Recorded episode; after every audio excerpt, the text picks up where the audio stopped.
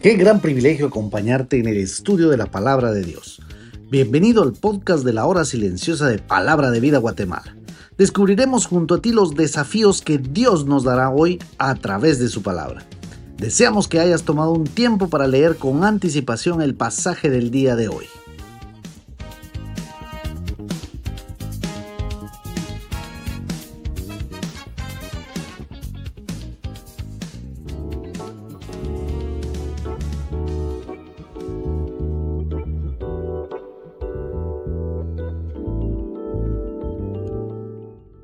Bueno poder estar en el comentario de la hora silenciosa el día de hoy. Te saluda Oscar Fuentes del Ministerio de Palabra de Vida aquí en Guatemala. El día de hoy estaremos en Colosenses capítulo 3 del 8 al 17, así que te invito a abrir tu Biblia y poder leer conmigo. Colosenses 3 del 8 al 17 dice, pero ahora dejad también vosotros todas estas cosas, ira, enojo, malicia, blasfemia, palabras deshonestas de vuestra boca.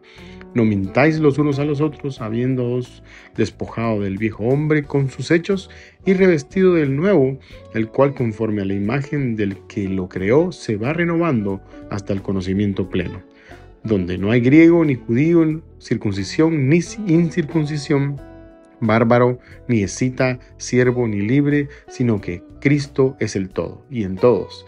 Vestidos pues como escogidos de Dios, santos y amados de entrañable misericordia, de benignidad, de humildad, de mansedumbre, de paciencia, soportándoos unos a otros y perdonándoos unos a otros, si alguno tuviere queja contra otro, de la manera que Cristo os perdonó, así también hacedlo vosotros. Y sobre todas estas cosas, vestidos de amor, que es el vínculo perfecto y la paz de Dios gobierne en vuestros corazones, a la que asimismo fuisteis llamados en un solo cuerpo, y sed agradecidos.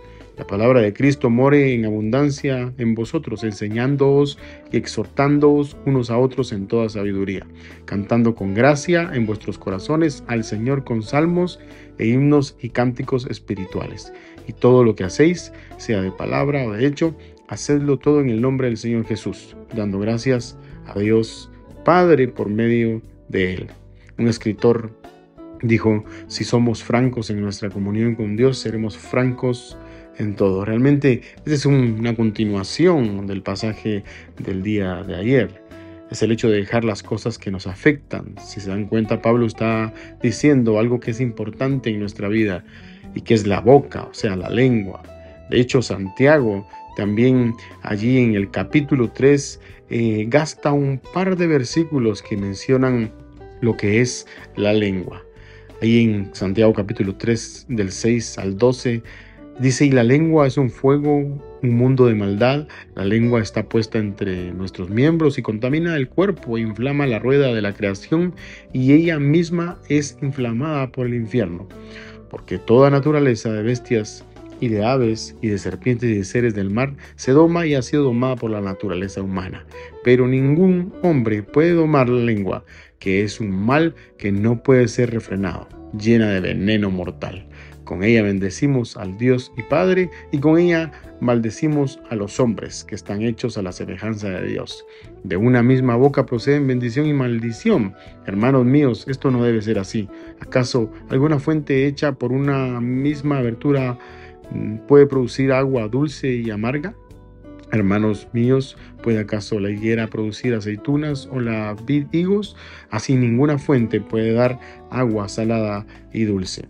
Qué tremendo leer estos pasajes de la palabra de Dios. Y Pablo en el versículo 8 y 9 habla de lo que nosotros tenemos que dejar de decir, que contamina realmente a los que me están escuchando la palabra de Dios. Va a decir que ninguna palabra corrompida salga de vuestra boca, sino la que sea buena para la necesaria edificación a los oyentes.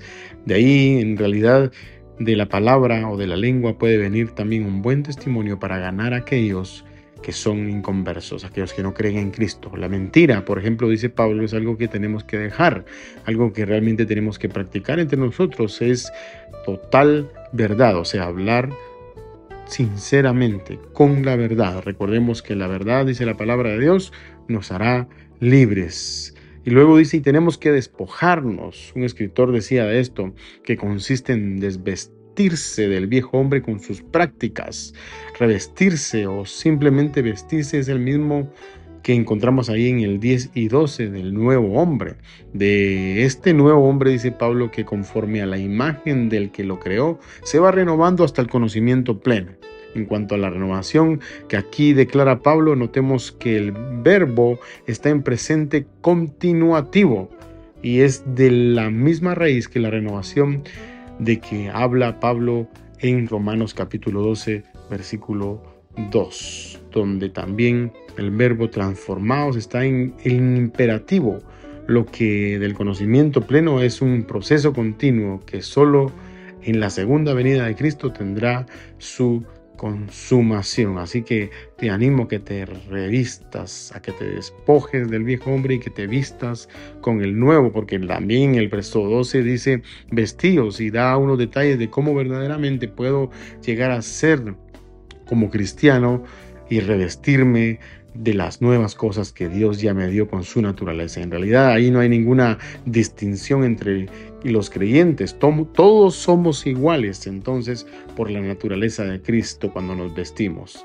Entonces, qué gran responsabilidad porque me da herramientas con las que yo me tengo que vestir. Dice de entrañable amor, de misericordia, entrañable misericordia, de benignidad, de humildad, de mansedumbre, de paciencia. Y también dice utilizando el perdón como medio para el amor, buscándole ese vínculo de la paz, dice el versículo 15. Porque somos un cuerpo y dice al final, Sed agradecidos. ¿Cuánta falta nos hace a nosotros los creyentes ser agradecidos? Porque nos fijamos más de lo que nos falta que de lo que tenemos hoy en día y hay una falta de contentamiento entre los cristianos. Y los últimos versos hablan de que la obra de Cristo reine en nuestros corazones y en realidad si hay de eso en nuestra vida, o sea, que la palabra de Dios está en nuestra vida, vamos a llegar a tener un buen fruto. Por eso vívelo. Te animo a que escudriñe las escrituras, que la abundancia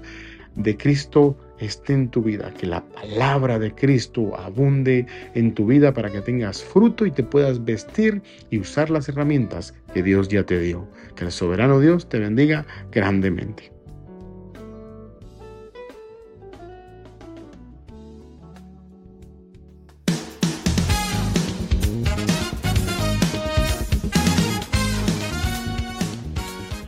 Es emocionante saber los tesoros que Dios tiene en su palabra para nosotros. Ayuda a tus amigos a que descubran la voluntad de Dios para su vida. Comparte este podcast con ellos. No olvides seguirnos en nuestras redes sociales.